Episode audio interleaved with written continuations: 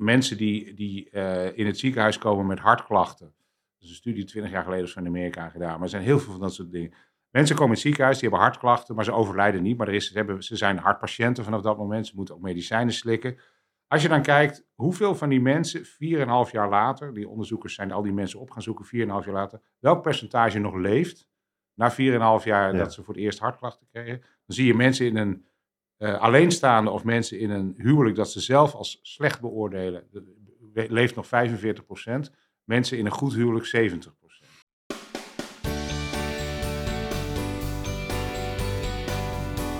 Leuk dat je weer kijkt of luistert naar deze nieuwe aflevering van de Podcast of Hoop. Vandaag hebben we in de studio psycholoog en geluksprofessor Ab Dijksterhuis. We gaan het onder andere hebben over verbinding, het gevaar van AI en over reizen.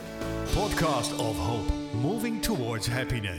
Ja, nou, leuk dat je er bent. Dankjewel. Ja, nou, zoals jij, we vragen altijd onze gasten naar ehm, of zij veel bezig zijn met geluk in het dagelijks leven. Maar je staat bekend als geluksprofessor, dus het voelt een beetje, ik, ik neem aan van wel. Dus dan wil ik graag weten, waarom houdt geluk je zoveel bezig?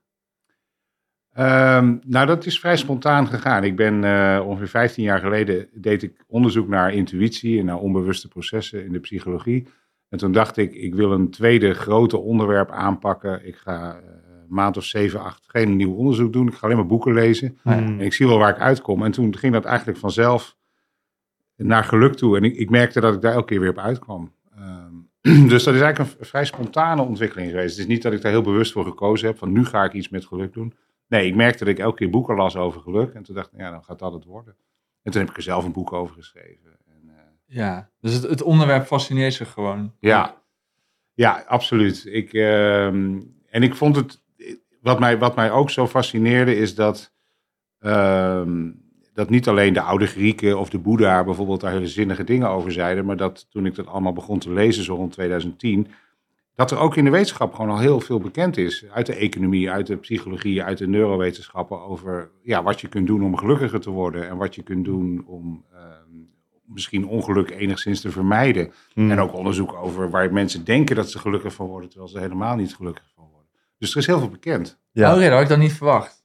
Ik had verwacht dat het nu, de laatste tien jaar of zo, dat er heel veel onderzoek naar komt. Maar dat, het is al een grote basis Het, is, eh, het, neemt, het, het neemt nog steeds toe. Dus je hebt gelijk dat het de laatste tien jaar ook weer heel veel bij is gekomen. Maar het is echt al wel iets wat, eh, nou, zo, zo sinds 1985, 1990 is er al vrij veel onderzoek naar gedaan. En in het begin vonden wetenschappers het een beetje gek dat anderen dat al deden. Van geluk, dat is toch een frivol, raar onderwerp. Dat, dat is toch Ja. voor, de, voor de libellen en de margriet, dat moeten wij dat doen.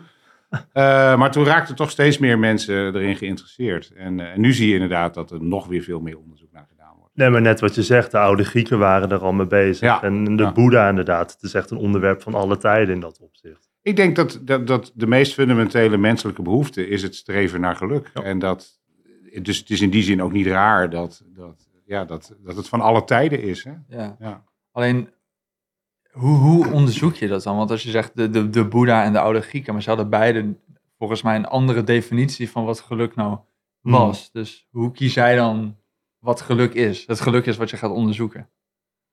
Nou, kijk, als je, als je het echt wil onderzoeken, eh, dan moet je meten. En als je het wil meten, dan moet je het heel concreet maken. Dus je kunt het op vrij ingewikkelde manieren meten met wat langere vragenlijsten. Maar eigenlijk de meest simpele manier waarop het vaak gemeten wordt, en dat is ook heel nuttig omdat je het op de hele wereld kunt vergelijken, eh, is de hele simpele vraag: als jij je leven nu overziet, eh, hoe zou je, eh, welk, welk rapportcijfer zou je je eigen geluk geven van, van 1 tot 10? En het blijkt dat mensen dat, dat, dat eigenlijk heel goed kunnen. Dat ze ook, de, mensen zeggen dan niet van ja, wat bedoel je met geluk? Nee, ze geven gewoon een rapportcijfer. En dat Ja. werkt eigenlijk over de hele wereld. En ehm, eh, je hebt het World Happiness Report dat elk jaar uitkomt hè, in, in maart, eh, in, de- in de World Happiness Week. En daar staat gewoon een ranglijst in van gelukkige landen. En ik geloof dat Noord-Korea er niet bij zit. Maar bijna de hele wereld doet mee. En Ja. we weten eigenlijk vrij goed het gemiddelde geluk. Dus je kunt het, je kunt het, ehm, je kunt het vrij eenvoudig meten.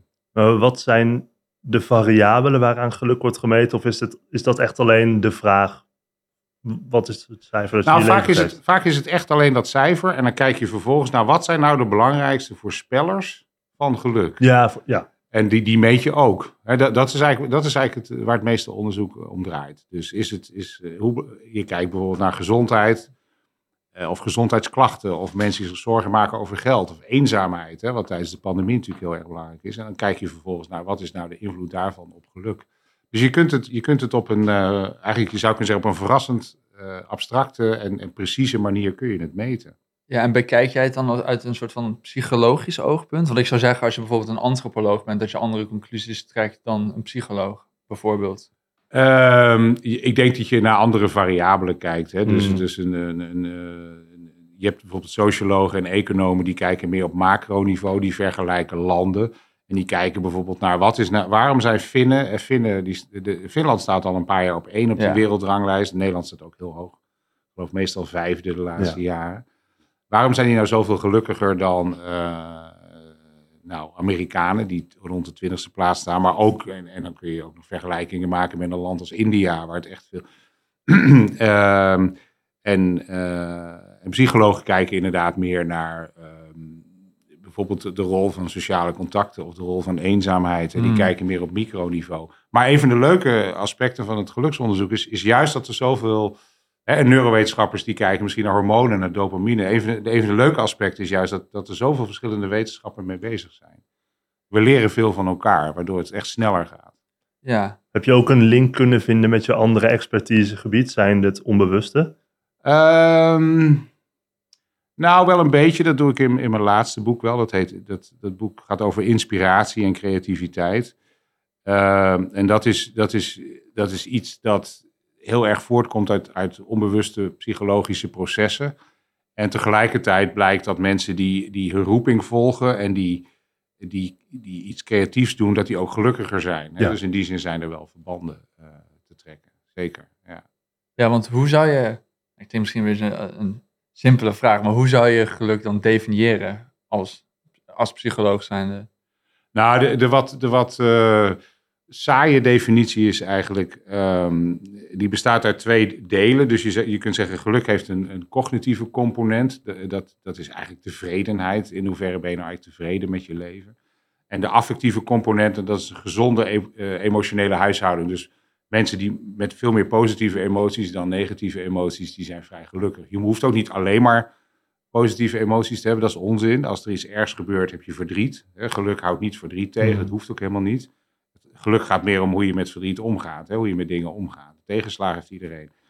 Eh, dus, je hebt, dus je hebt eigenlijk een soort definitie die uit twee componenten bestaat. Maar als ik het heel kort moet zeggen, dan vind ik altijd de, de leukste, vind ik, eh, geluk is heel graag willen wat je al hebt. Ja.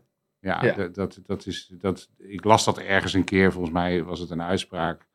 Ja, ik, ik heb het vaker gelezen later. Ik weet niet eens precies wie ooit de eerste was. Maar toen ik het las de eerste keer, was het een of andere Franse wijnboer. Gewoon heel simpel.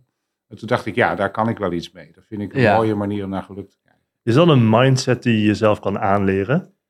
Dat is wel een mindset die je, die je zelf tot op zekere hoogte kunt aanleren. We- we- wat, wat we wel zien is dat gelukkige mensen, die, die zijn over het algemeen optimistischer dan minder gelukkige mensen. En ze, ze zien net wat vaker de mooie dingen Mm. en ze zien het halfvolle glas. En ongelukkige mensen zien het half lege glas.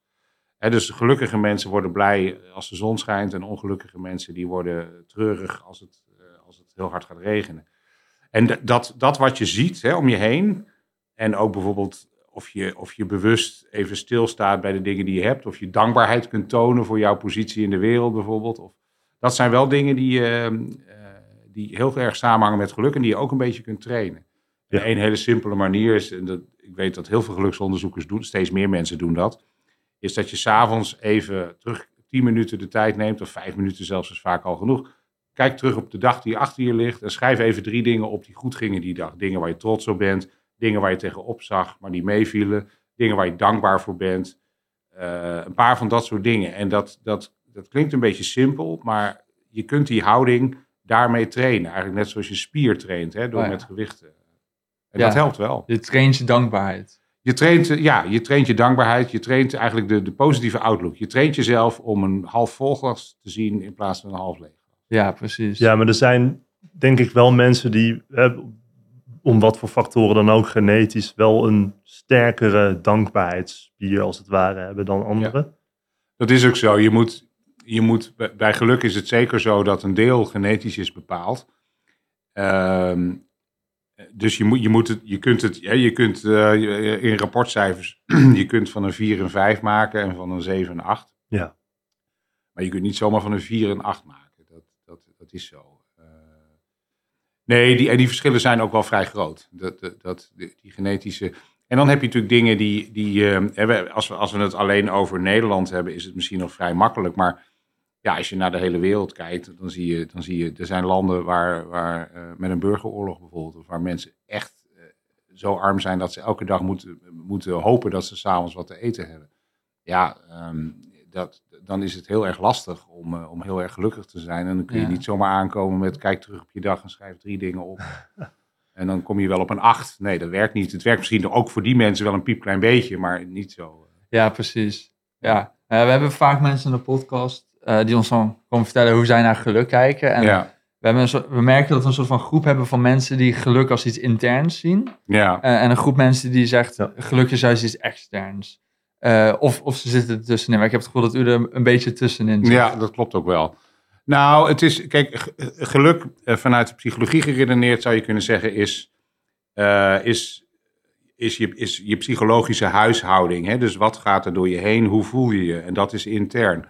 Maar de belangrijkste determinanten van geluk, die zijn sociaal. Dus een van, de, een van de grootste bedreigingen voor geluk is eenzaamheid. Mensen die zich echt eenzaam voelen, die zijn over het algemeen erg ongelukkig. Ehm, ook als je graag, hè, als, je, als je werkt aan je eigen geluk, moet je eigenlijk niet ook rechtstreeks op geluk afrennen. Je moet het eigenlijk met een soort omweg benaderen door, dingen te door naar dingen te kijken als betekenis. Doe ik, iets, doe ik iets nuttigs voor de wereld of doe ik iets nuttigs voor de mensen om me heen? Eh, verbind ik me op een zinnige manier met de wereld? En dat kan op allerlei manieren. Dat kun je doen door, door een podcast te maken, door boeken te schrijven, door vrijwilligerswerk te doen. Eh, dus je zou kunnen zeggen, de, de, de determinanten van geluk zijn allemaal extern. En dan is, is het resultaat geluk, dat zit wel vooral in je eigen hoofd. Maar je moet het, je moet het najagen door... eh, het, is, het, is- eigenlijk vrij simpel. Als je kijkt naar de- misschien wel de allerbelangrijkste voorspeller van geluk... is of je eh, sociaal ingebed bent. Dus eenzame mensen hebben het heel moeilijk. Eh, mensen die zeggen, nee hoor, ik heb een partner... eh, ik heb goede vrienden, ik heb een familie eh, die mij steunt. D- Dat zijn toch vaak de gelukkigste mensen. Het is heel, het is heel- Ja. die, die dingen zijn tien keer zo belangrijk dan je inkomen. Hè, Ja. Om maar wat te zeggen. Maar dat lijkt me ook wel dus Ja. weer lastig om wat aan te doen. Stel je voor niemand mag je. Of ja, misschien moet je dan aan jezelf werken als niemand je mag. maar- Nou, nou ja, je moet, je moet, je, moet eh, nou je moet niks, maar investeren in je vriendschappen. Dat, dat is bijvoorbeeld wel een... eh, en als je ergens... ehm, nou, eenzaamheid is, wat ik al zei, dat is echt een, een groot probleem. De, de pandemie heeft dat nog vergroot. Ehm, en dat zie je bijvoorbeeld ook onder, eh, onder studenten veel. Ja, het eerste, het meest simpele advies is: doe mee met dingen. En dat maakt dan helemaal niet uit wat voor hobby of wat voor sport of wat je ook, ook uitkiest. Maar ga dingen doen met andere mensen. Dat is echt stap één. Ja. Dat levert vaak heel veel op. Alleen, je hebt natuurlijk, ja, bij sommige mensen past dat niet zo. Sommige mensen vinden dat heel lastig, dat begrijp ik wel. Maar eh, Ja, precies. Want zou je als bijvoorbeeld introvert eh, of extrovert een andere manier hebben om met die dingen om te gaan?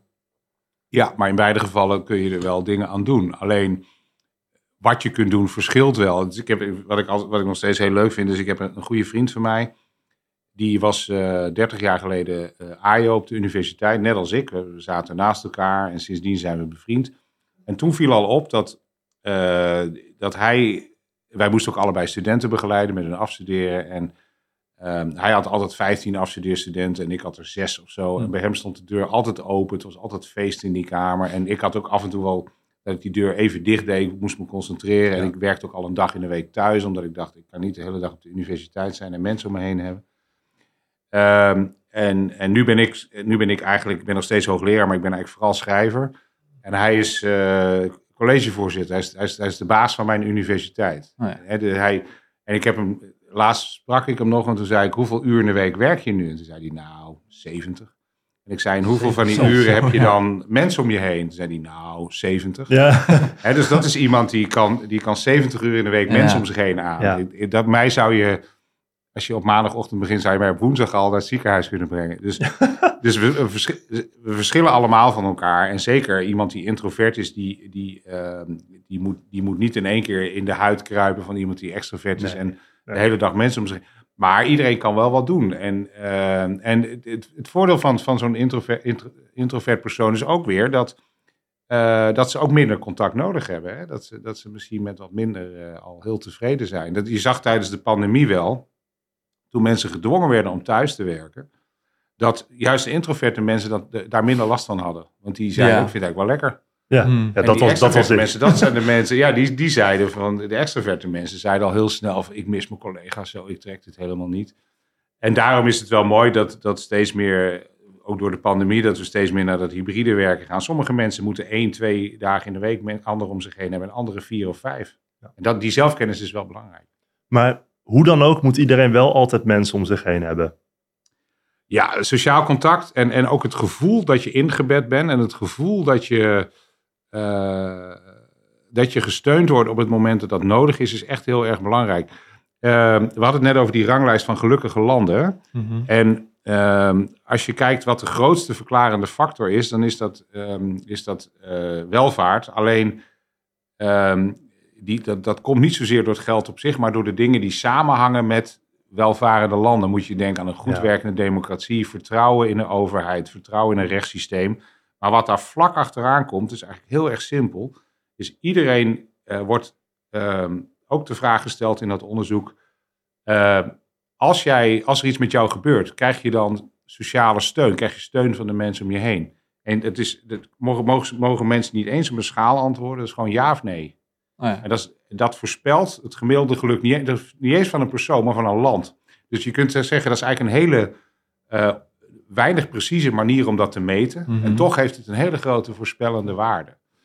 Eh, ja, wat betekent dat? Dat betekent dat het gevoel dat je gesteund wordt door anderen, het gevoel dat je een, een gezond sociaal leven hebt, dat je mensen om je heen hebt die belangrijk voor je zijn, is misschien wel de allerbelangrijkste voorspeller voor geluk. Ja, want we horen wel Hm. bijvoorbeeld vaak dat angst het tegenovergestelde van geluk is. En dat zou je misschien op die manier ook nou, kunnen verklaren. een- zeker, ja, zeker. Een van de redenen dat dat zo belangrijk is, is, is, het, is het omgekeerde. Als jij het gevoel hebt dat je er helemaal alleen voor staat, Mhm. dan eh, is dat misschien niet zo erg als alles goed gaat. Maar de angst voor dingen die dan niet goed gaan, die kan heel erg verlammend werken. Zeker. En moet je je voorstellen dat iets tegen zit, of dat je, of dat je in een oorlog terechtkomt. Of Ja. wat ook. En niemand is er om jou te steunen.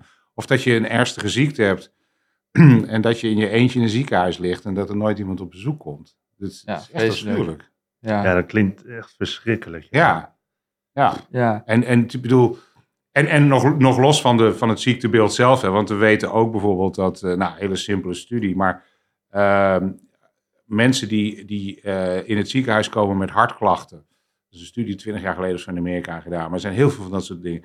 Mensen komen in het ziekenhuis, die hebben hartklachten, maar ze overlijden niet, maar er is, ze, hebben, ze zijn hartpatiënten vanaf dat moment, ze moeten ook medicijnen slikken.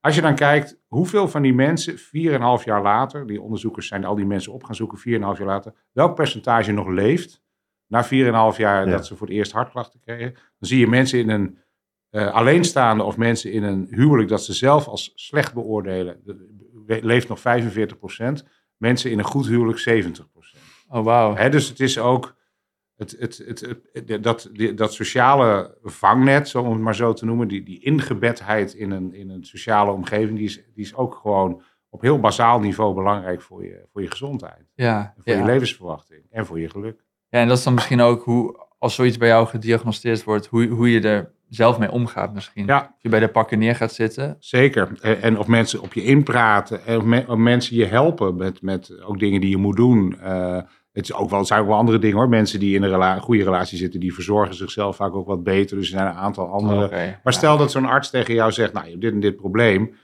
Ehm, je, je moet die medicijnen slikken, maar we schrijven je ook een dieet voor dat erg goed voor je is.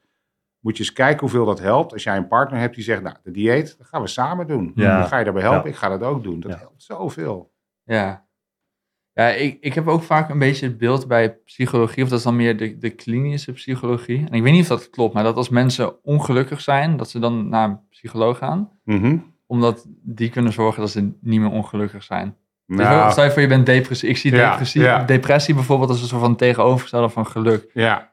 Ik weet niet of dat een, het juiste beeld is om ernaar te kijken. Nou, ik zou niet zeggen dat het helemaal het tegenovergestelde is. Eh, de- Depressie moet je eigenlijk zien als een soort ziekte. Dus als een ziektebeeld. Maar het is wel zo dat depressieven ongelukkig zijn. Dus in de praktijk eh, is het, is het, kun je best zeggen dat het een, eh, een tegenbe- tegen...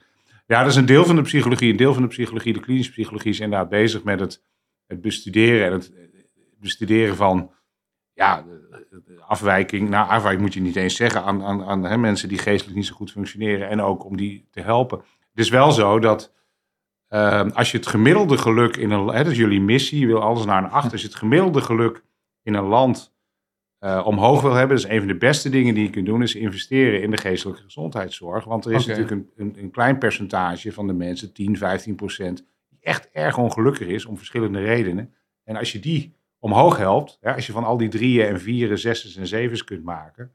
dan gaat je gemiddelde gigantisch omhoog. Ja, dan maak je die kloof kleiner. En dan maak je die kloof kleiner en dan. eh, dus, dus de, dat de, en, en dat, ja, dat, nou ja, dat hebben we ook wel gezien de afgelopen jaren. De, de, dat verschilt nogal per kabinet. Hè. Er zijn kabinetten geweest die daar Ja. veel in geïnvesteerd hebben. Er zijn kabinetten geweest die dat eigenlijk allemaal weer de nek omgedraaid hebben. Dat, eh, Ja. Maar het is ergens ook wel weer zorgwekkend dat er zoveel eh, geestelijke gezondheidszorg nodig is. Nou, ik, ik, ik, ik weet niet of het. ehm, kijk, de, de- een, van de, een van de dingen die wel eens wordt gezegd is dat. Eh, dat omdat er zoveel zorg is en omdat er zoveel diagnoses gesteld kunnen worden, dat mensen ook vaker. dat het wel lijkt alsof mensen vaker eh, ziek zijn. Maar. Ja. Ik, ik, en dat is misschien ook wel een beetje zo, maar ik denk toch vooral dat, eh, dat, het, dat het een zegen is dat we beter snappen wat er in de hoofden van Mm. mensen omgaat en dat we ze kunnen helpen als dat nodig is. En ten tweede moet je niet vergeten dat de wereld verandert. Nu, nu zie je dat één op de zes mensen, volwassen mensen, heeft burn-out-achtige verschijnselen. En eh, toen ik stude- psychologie studeerde, 30 jaar geleden, toen was de term burn-out was eigenlijk net uitgevonden. En dat was toen een soort, ja, een afwijking, vooral voor mannen van boven de 45, die we toen allemaal workaholics noemden. Oké, ja. Maar je kunt niet zeggen, oh, eh, nu mensen stellen zich aan of nu, nu, nu als we dat, die term niet hadden verzonnen, hadden we ook geen burn-out gehad. Nee, het heeft toch wel echt te maken met de veranderende wereld en dat we, dat we elkaar steeds meer druk opleggen, dat we onszelf steeds meer druk opleggen, dat, dat het toch allemaal steeds meer een red race is. En ook natuurlijk de smartphone die ervoor zorgt dat we, dat we elke keer, dat we zo dicht, hè, dat we zoveel contact hebben met elkaar. Het heeft natuurlijk ook positieve kanten. Maar de tijd die je, die je ongestoord alleen of alleen met je familie, met je gezin doorbrengt, even los van de slaap, is minder dan de helft van, van 20 jaar geleden. Ja. En Ja. dat, die druk, hè, dat we altijd maar berichtjes ontvangen van andere mensen, die zorgt er ook voor dat we allerlei eh, stressklachten krijgen die we vroeger niet hadden. Maar ik vind het wel grappig dat je dat zegt inderdaad. Want als mensen inderdaad zeggen, als we die term niet hadden verzonnen, dan hadden nu ook niet zoveel mensen het gehad. Maar je zou ook andersom kunnen redeneren. Als niet zoveel mensen het hadden gehad, was de term nooit verzonnen. Nee, daarom. Dus ik, ik ben, nee, precies. En, en ik denk heus wel dat we soms, dat we inderdaad ook wel moeten oppassen dat we het niet overdrijven. Ik denk soms ook wel eens bij, bijvoorbeeld eh, de kinderen met ADD of ADHD, die krijgen dan Ritalin. Ja. Althans sommigen. En ik heb wel eens op zo'n for- forum zitten lezen van al die bezorgde ouders die dan zeggen, ja, moet ik nou doorgaan in de zomervakantie met, met Ritalin voor mijn zoon of dochter? Want eh, volgens mij heeft hij er nu helemaal geen last van. Dan denk ik, nee, natuurlijk niet. Want ADHD is, is, een, is, is niet zozeer een. een eh, is, is ook wel een geestesgesteldheid, maar het is vooral een conflict tussen een geestesgesteldheid en een, de manier waarop wij een school hebben ingericht tegenwoordig. Ja. Mm, ja. En dat, dat maakt het probleem niet minder groot, maar dan moet je, je moet wel oppassen dat je niet al die kinderen meteen dat stempel op gaat plakken van dat klopt van alles niet. Nee, ze zijn zo uitgerust dat, dat de meeste schoolvormen gewoon niet zo goed passen. Maar op het moment dat jij ze, behalve de hele extreme vormen, maar op het moment dat jij ze gewoon meeneemt naar een camping in Spanje of in Frankrijk, dan, dan merk je er niet zoveel van. Nee, dat is logisch. Ja. Dan wordt er ook veel minder, veel minder van ze geëist. Dat is interessant. Dat is wel een goed inzicht, ja. Want een geestesgesteldheid op zichzelf is nooit het probleem. Maar ten opzichte van iets is het een... Nee, je zou zelfs kunnen zeggen, als je een psychopaat in zijn eentje in een woestijn zet met Ja. water en eten, zolang hij geen andere mensen tegenkomt, Ja, ja, is er op precies. zich niet Dat is- aan de hand. Dat is een beetje een extreem voorbeeld, maar Ja. dat is zo. Ja. Ja. Dus een oplossing zou kunnen zijn opnieuw kijken naar hoe we eh, het, het- schoolsysteem inrichten in Nederland. Nou ja, dat, dat- ik denk dat je daar altijd bezig moet, mee moet zijn. Want, want ehm, dat, is, dat is een project dat nooit af is. Hè? Dat, dat, eh, maar ik denk, ik denk dat je vooral eh, ehm, moet beseffen dat veel dingen die wij nu labelen als een, nou laten we, hoe, hoe zal ik het netjes zeggen, een problematische geestesgesteldheid, dat dat meer is, dat het meer een soort conflict is tussen een bepaalde geestesgesteldheid en de manier waarop de maatschappij in elkaar zit. Dan heb ik het niet over extreme dingen als een psychose, dat, dat moet je behandelen, dat is heel ernstig. Maar wel bijvoorbeeld over iets als ADHD. Ja. Maar het lijkt me denk ik niet dat je een samenleving zo kan inrichten dat elke geestesgesteldheid zich daar goed in kan, ja, ja, zich daar goed in kan bewegen. Als Nee, dat is, dat is ook zo. Dat is ook zo. Maar ehm, alleen het besef al dat je, dat je weet dat het ook een, een combinatie van factoren is in plaats van één. Waarom zijn er, als we even bij dit voorbeeld houden, waarom zijn er geen eh 50-plussers met ADHD? Dat is heel simpel. Die zijn er wel. Ik heb het zelf ook. Maar die hebben hun leven inmiddels zo ingericht dat ze eh, die Ja. conflicten niet meer. Ja. Het, het, het grootste probleem zit hem in die scholen. Ja. Dat, is niet, dat is niet de schuld van de school, natuurlijk niet. Maar daar, ja, daar, dat is het moment in het leven waarbij de meeste mensen eh, in, in een soort mal gedwongen worden, waarbij niet altijd alles maar past. ja. Dat is zo. Nee, interessant. Ja, nou, we, we hebben ook meerdere geluksprofessoren in de studio gehad. We hebben bijvoorbeeld Ruud Veenhoven hebben we hier gehad, eh Michael Bartels. Ehm, en de, ik weet niet of ik dit goed heb, maar jullie bekijken geluk van een soort van wetenschappelijk eh, perspectief. Ja, En we hebben aan de andere kant ook heel veel gasten gehad die bijvoorbeeld een wat spirituelere eh, blik op eh, geluk hebben. Bijvoorbeeld Willem Glaudemans. ja. Ehm, zijn die twee visies met elkaar te combineren of is, zijn die echt los van elkaar? Ehm, nou, over het algemeen zijn ze wel te combineren. Wat mij, wat mij opvalt is dat als je. Kijk, er- zijn natuurlijk ook wel een hoop zelfhulpboeken het gebied van geluk, waar, waar best een hoop flauwekul in staat. Dat Ja. hou je niet tegen. Maar over het algemeen valt, valt op dat eh, ook mensen die, die niet zozeer een wetenschappelijke methode hanteren, toch wel hele zinnige dingen zeggen. Ehm, en het, is, het, is natuurlijk, het heeft al een hele lange traditie. Kijk, Socrates en Aristoteles en Plato en de Boeddha, die deden ook geen wetenschappelijk onderzoek. En Epicurus en al die anderen. Eh, en soms denk ik wel eens van wat wij nu in de moderne wetenschap aan het doen zijn. Minstens de helft van wat we aan het doen zijn, is op een hele fancy manier laten zien dat die mensen eigenlijk toen ook al gelijk hadden.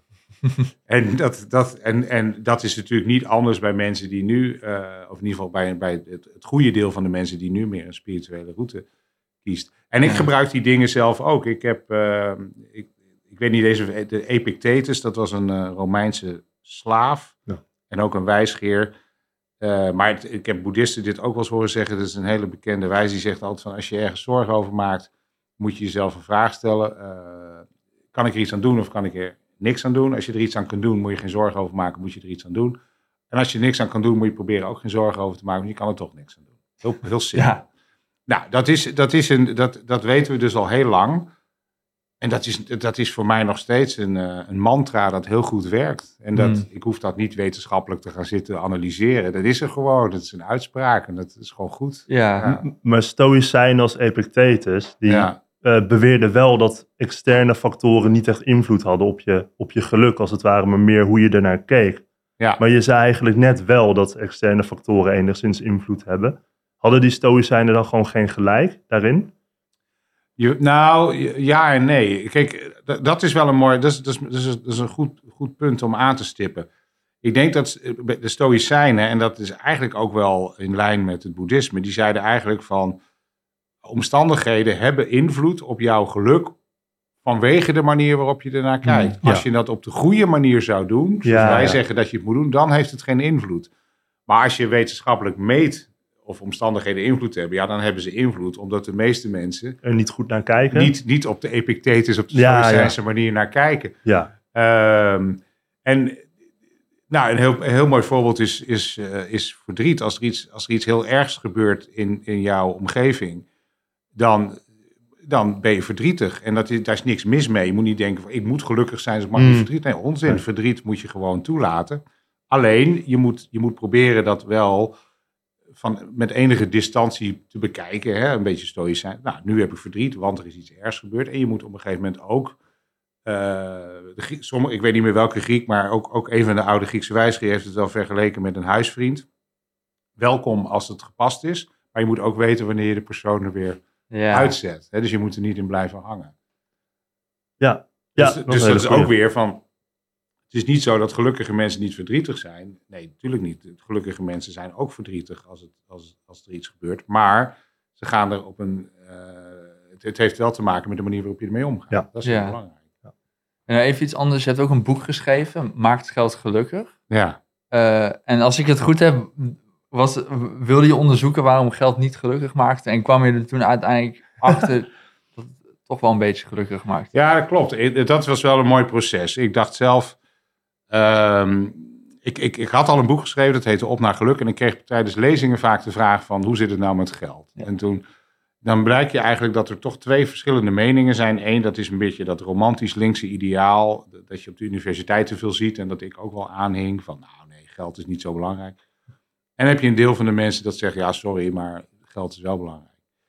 En ik, ik had inderdaad het gevoel dat het, dat het erg onbelangrijk zou zijn. Behalve misschien dat extreme armoede leidt tot zorgen. En Ja. zorgen die leiden wel tot, tot hè, dat is bijna, staat bijna gelijk aan ongeluk. En toen ben ik het gaan onderzoeken. En toen kwam ik toch wel inderdaad tot de conclusie dat het ietsje belangrijker was. eh, het is eigenlijk heel simpel. Ehm, je zou kunnen zeggen, als je binnen een land als Nederland eh, kijkt naar de eh, correlatie of tussen de verhouding tussen geld en geluk, dan kun je zeggen 3 tot 4 procent van geluk zit in je inkomen. Als je het vermogen meetelt, wordt het een procent of 7. Maar dat is een gemiddelde, hè? dat is heel belangrijk. Dat geldt niet voor iedereen. Ehm, het is ook niet zo dat er een soort bovengrens is. Ja, die is er misschien wel, maar die ligt heel hoog. Als je een half miljoen of nog meer, dan maakt het allemaal niet zoveel meer uit. Ehm, maar wat, wat wel heel, en dat vind ik heel leuk, het maakt wel heel veel uit waar je het aan uitgeeft. Als je alleen maar spullen koopt, heb je er niks aan. Oh ja. Wat je moet doen met, me- met geld dat je niet nodig hebt voor je eerste levensbehoeften, is heel simpel. Je moet eh, andere mensen proberen gelukkig te maken met jouw geld. Je moet tijd kopen, dus dingen die je echt niet leuk vindt om te doen, die moet je uit gaan besteden. Haal maar een poetshulp in huis als je allebei hard werkt. En het derde is, je moet ervaringen kopen en geen spullen. Hè? Dus ga op reis, doe leuke dingen met vrienden of met je partner. Ja. Maar ga niet spullen kopen. Als je, als je dat doet, dus tijd, andere mensen, ervaringen, dan, heeft, dan kan geld een goede bijdrage leveren aan je geluk. Ja, en- en volgens mij klopt het ook toch dat als je kijkt naar de lijst met landen, eh, eh, die lijst waar je het net over had, de World Ja, Happiness Index, daar zit ook wel een verband tussen als je kijkt naar eh, het gemiddeld inkomen, toch? Per Ja, dat is, zelfs vrij, dat is zelfs een sterk verband. Alleen de ellende is, dat, dat zijn correlaties, dus die hangen dan weer samen met andere dingen. Dus de top 7, dat is, al, dat is dan Finland, Noorwegen, Denemarken, Nederland, Zwitserland. Ja. Dat zijn inderdaad rijke landen, maar het zijn ook stabiele westerse democratieën waar mensen over het algemeen vrij veel vertrouwen hebben in, eh, in de overheid, hoewel dat bij ons wel Ja. afneemt. Wat minder. Hm? Wat minder inderdaad. Wat minder inderdaad, ja. Dat is, dat is ook wel een zorgwekkende ontwikkeling hoor. Maar ehm, eh, dus, dus de ellende en waar mensen in vrijheid leven, is ook een heel belangrijk, hè, waar mensen in vrijheid leven. Dus, ehm, dus ja, het rijkdom in een land hangt zeker samen met, eh, met het geluk. Maar het zijn eigenlijk andere factoren die op hun beurt ook weer samenhangen met rijkdom, die eigenlijk echt belangrijk Ja, dat is geen kausaal verband. zijn. Nee, je moet dat echt zien als een correlatie. Ja, ja. Het kausaal zit er veel meer in. Werkt de democratie? Hebben mensen vertrouwen in de overheid en in de politie en justitie en dat soort dingen? Hebben mensen vertrouwen in elkaar? En kunnen mensen vrij, kunnen mensen vrij leven zonder al te grote angst? Hè? Ik bedoel, Ja. Er zijn natuurlijk landen waarbij, als je in China eh, iets negatiefs zegt over, de, over Ja. de president, dan kun je verdwijnen. ja. Ja, dat is afschuwelijk. En soms duik je dan binnen een paar, een paar maanden later weer op, maar en soms niet. Ja, goed. Ja. Ja. Nee, ik, ik had net een beter bruggetje, maar toen wilde ik een andere vraag stellen. Maar je had het net over reizen. Je zei, Ja. nou, bijvoorbeeld iets wat je kan doen met je geld is reizen. Ja, Ja, je hebt ook een boek geschreven, Wie niet reist is gek. Ja. Dat? Ja. ja. Dus ja, kun je daar wat meer over vertellen? Hoezo ben je gek als je niet reist? Nou, ik, ik moet wel zeggen, dat boek is geschreven in 2016. En dat was net nadat we met z'n allen toch wel, eh, of in ieder geval, de, sommige mensen wisten dat al, maar dat reizen wel slecht is voor het milieu. En dat we ook niet veel vliegreizen moeten maken. Of misschien eigenlijk zelfs helemaal niet. Ehm, dus dat moet ik er wel bij zeggen. Maar eh, even los daarvan, ja, het blijkt gewoon dat, dat een verandering van omgeving, een verandering van decor, het verwerken van allerlei nieuwe prikkels, dat heeft een enorm positief effect. Eh, we worden er gelukkig van. Eh, ons leven wordt rijker. Hè? We, we verzamelen verhalen. Ehm, we worden er creatiever van. We krijgen meer inspiratie. Eh, Ja. En dat heb ik toen allemaal op een rij gezet met het idee van ja, reizen is gewoon geweldig. En, boven, en het haalt vooroordelen onderuit. Hè? Dat is Ja. ook wel Hmm. Ehm, een, van de, een van de dingen die ik heb de, de hele wereld over gereisd zo'n beetje.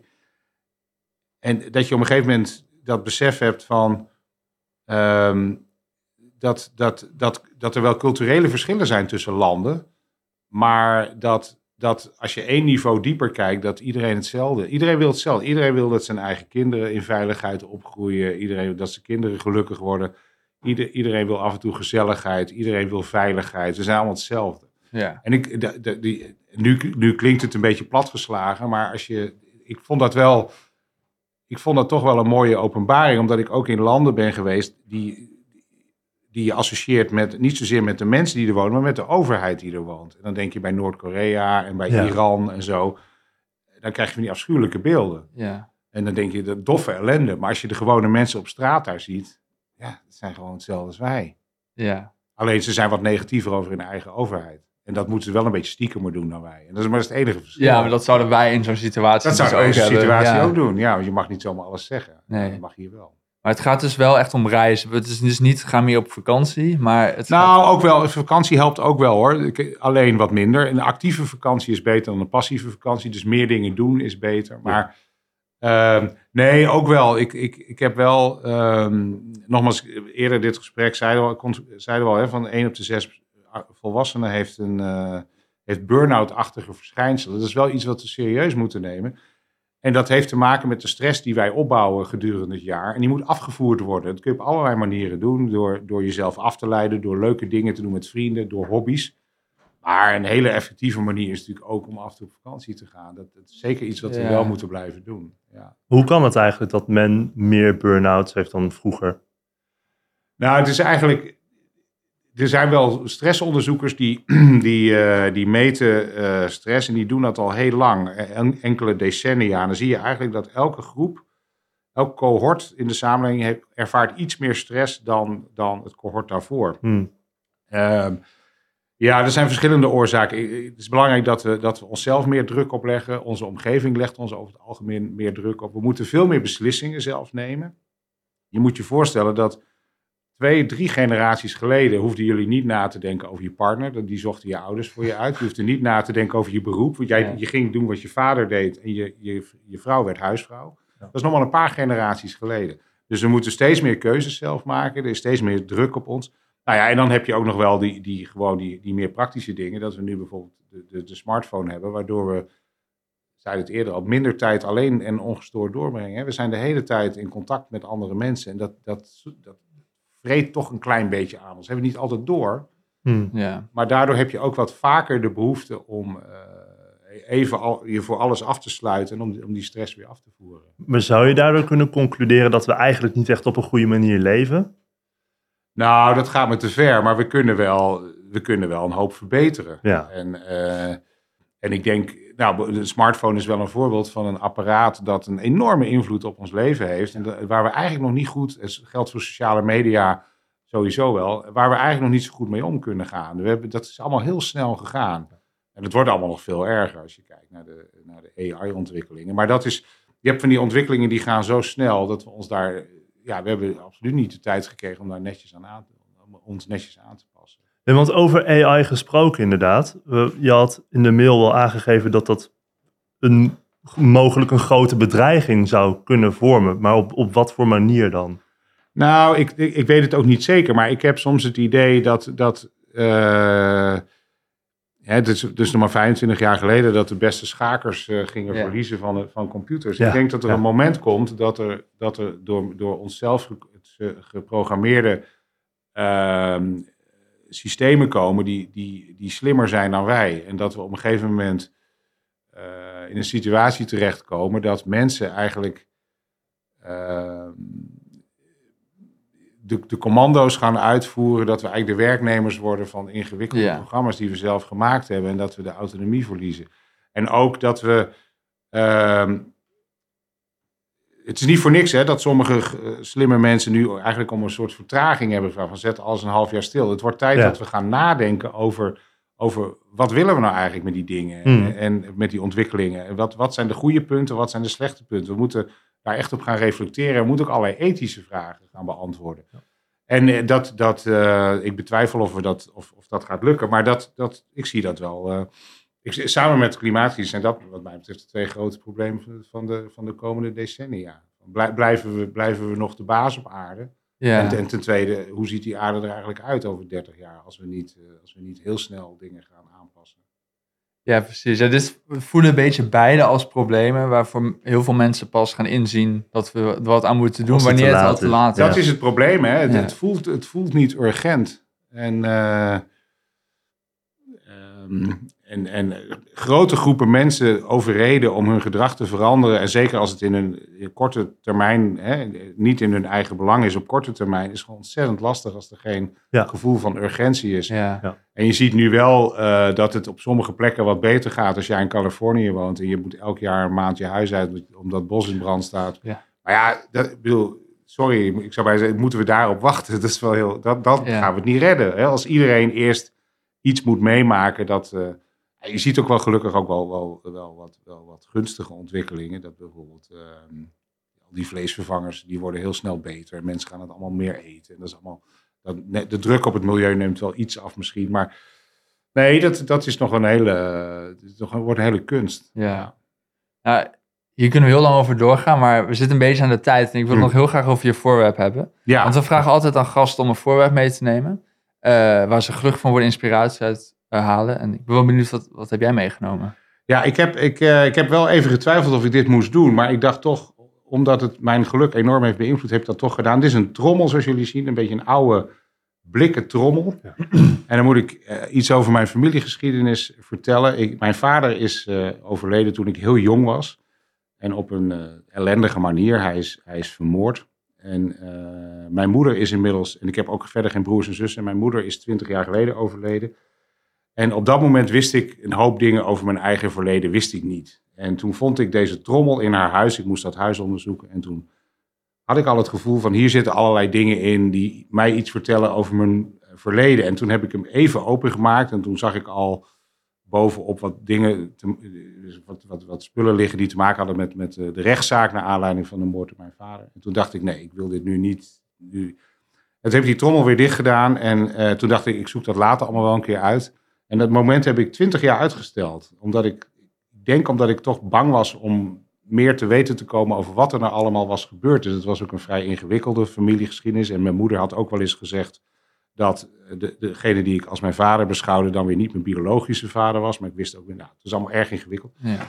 En toen heb ik uiteindelijk een paar jaar geleden die trommel wel opengemaakt, heb ik dat allemaal uitgezocht. Ik heb er een boek over geschreven, ehm, dat, eh, dat 6 juni uitkomt en eh, het heet ook Vader. Eh, en dat was best een strijd, het was best een moeilijk proces. En ik heb inderdaad van alles geleerd over mijn eigen afkomst. Maar nu het zo'n beetje achter de rug is, eh, merk ik dat het me ook heel veel geeft. We hebben het eerder vanavond gehad over dat een van de belangrijkste aspecten van geluk is dat je, dat je voelt dat je ingebed be- bent in een soort sociale omgeving. Mhm. En dat is natuurlijk een beetje gek bij mensen. eh, die zijn ook, en dat, en dat heb ik sowieso wel met mijn partner en mijn zoon en met hele goede vrienden. Maar ik heb nu ook wel meer het gevoel dat ik ook uit een familie kom. En die mensen, mijn ouders zijn wel allebei overleden, maar ik heb in ieder geval mijn vader nu wel als mens leren kennen. En dat, dat, dat is gek. Hoewel die nogmaals al lang, al lang overleden is, heeft me dat toch wel heel veel gedaan, merk ik. ja, het zijn Een een, mooi proces. Ja. Ik weet het Nederlandse woord niet echt, maar het, het zijn je roots als het ware. Dat is Ja. voor heel veel mensen wel ge- belangrijk. Nou, ik, letterlijk heb ik, heb, eh, ja. ik heb letterlijk wel het woord geworteld gebruikt. Dat ik me Oh ja. meer in het boek, dat ik me meer geworteld voel. Ondanks het feit dat mijn beide ouders zijn overleden, heb ik toch meer het gevoel dat ik, ja, dat ik ergens vandaan kom. Ja, dat Ja. is zo. Maar je was dus inderdaad eerst twintig jaar terughoudend om hem open te maken. Ja, Maar ja. ben je achter dingen gekomen die je liever niet had willen weten? Nou, ik heb, ik heb, ik heb. ehm, nee, nee dat, nee, dat geloof ik niet. Ik, eh, ik, sommige dingen zijn natuurlijk wel, wel heel vervelend om te lezen of erg om te lezen. En die, Mhm. ik heb ook wel momenten gehad dat ik dacht van ik stop er even een paar weken mee en dan ga ik daarna wel weer verder. Maar uiteindelijk, eh, nee, heb ik, moest ik dit allemaal lezen en ben ik blij dat ik dit gedaan heb. Ja, zeker. Ja. En dat boek wat, u, wat, wat dus eh 4 of 6, 6 juni uitkomt, ja. ehm, waar gaat dat precies over? Dat is, niet, is, dat, is dat uw reis als het ware die deze, deze nou, doos weet wel, wat ik, wat ik doe is ik schrijf, ik schrijf brieven aan mijn vader. En eh, over wat er met hem is gebeurd, wat er daarna is gebeurd met mijn moeder en met mij. Eh, en ook wel over dat, zeker ook over dat proces van het openen van die trommel. Van mensen in mijn omgeving die zeiden wel, er waren een paar mensen die dit wisten. En die zeiden van, ja, maar dat wil je toch allemaal weten. En ook wie, is- wie dan je biologische vader dan misschien is. En waarom ga je dat allemaal niet uitzoeken? En ik heb natuurlijk zelf ook wel eens gedacht, ja, waarom, waarom ga ik dat niet meteen uitzoeken? En, en daar gaat het ook over. Van, als je in zo'n situatie bent, ja, wil je dan alles weten? Ja. Mhm. En, en, eh, dus dus over, ook over dat hele proces dat ertoe geleid heeft dat ik uiteindelijk die trommel wel heb opengemaakt. Dat, daar gaat het boek ook over. Oké. Vader heet het boek, toch? Het heet Vader, ja. Oké. Ja. Nou, mooi. Ja, we, zijn aan het einde gekomen. Eh, we vragen altijd als afsluit onze gasten een tip te geven voor iedereen die luistert. Waar zij gelukkig van kunnen worden, inspiratie uit kunnen halen ja. bij deze. Ehm, ja, ik heb, mijn, mijn Epictetus heb ik al gedaan. Wat ik, wat ik een andere, dat zijn van die simpele regels die toch wel werken, is als je nou, ehm, als je iets doet met je werk of je studie, ehm, stel jezelf af en toe drie vragen. Eén is, het gaat eigenlijk over intrinsieke motivatie, maar dat is ook heel belangrijk voor geluk. Eén is, vind ik het leuk om te doen?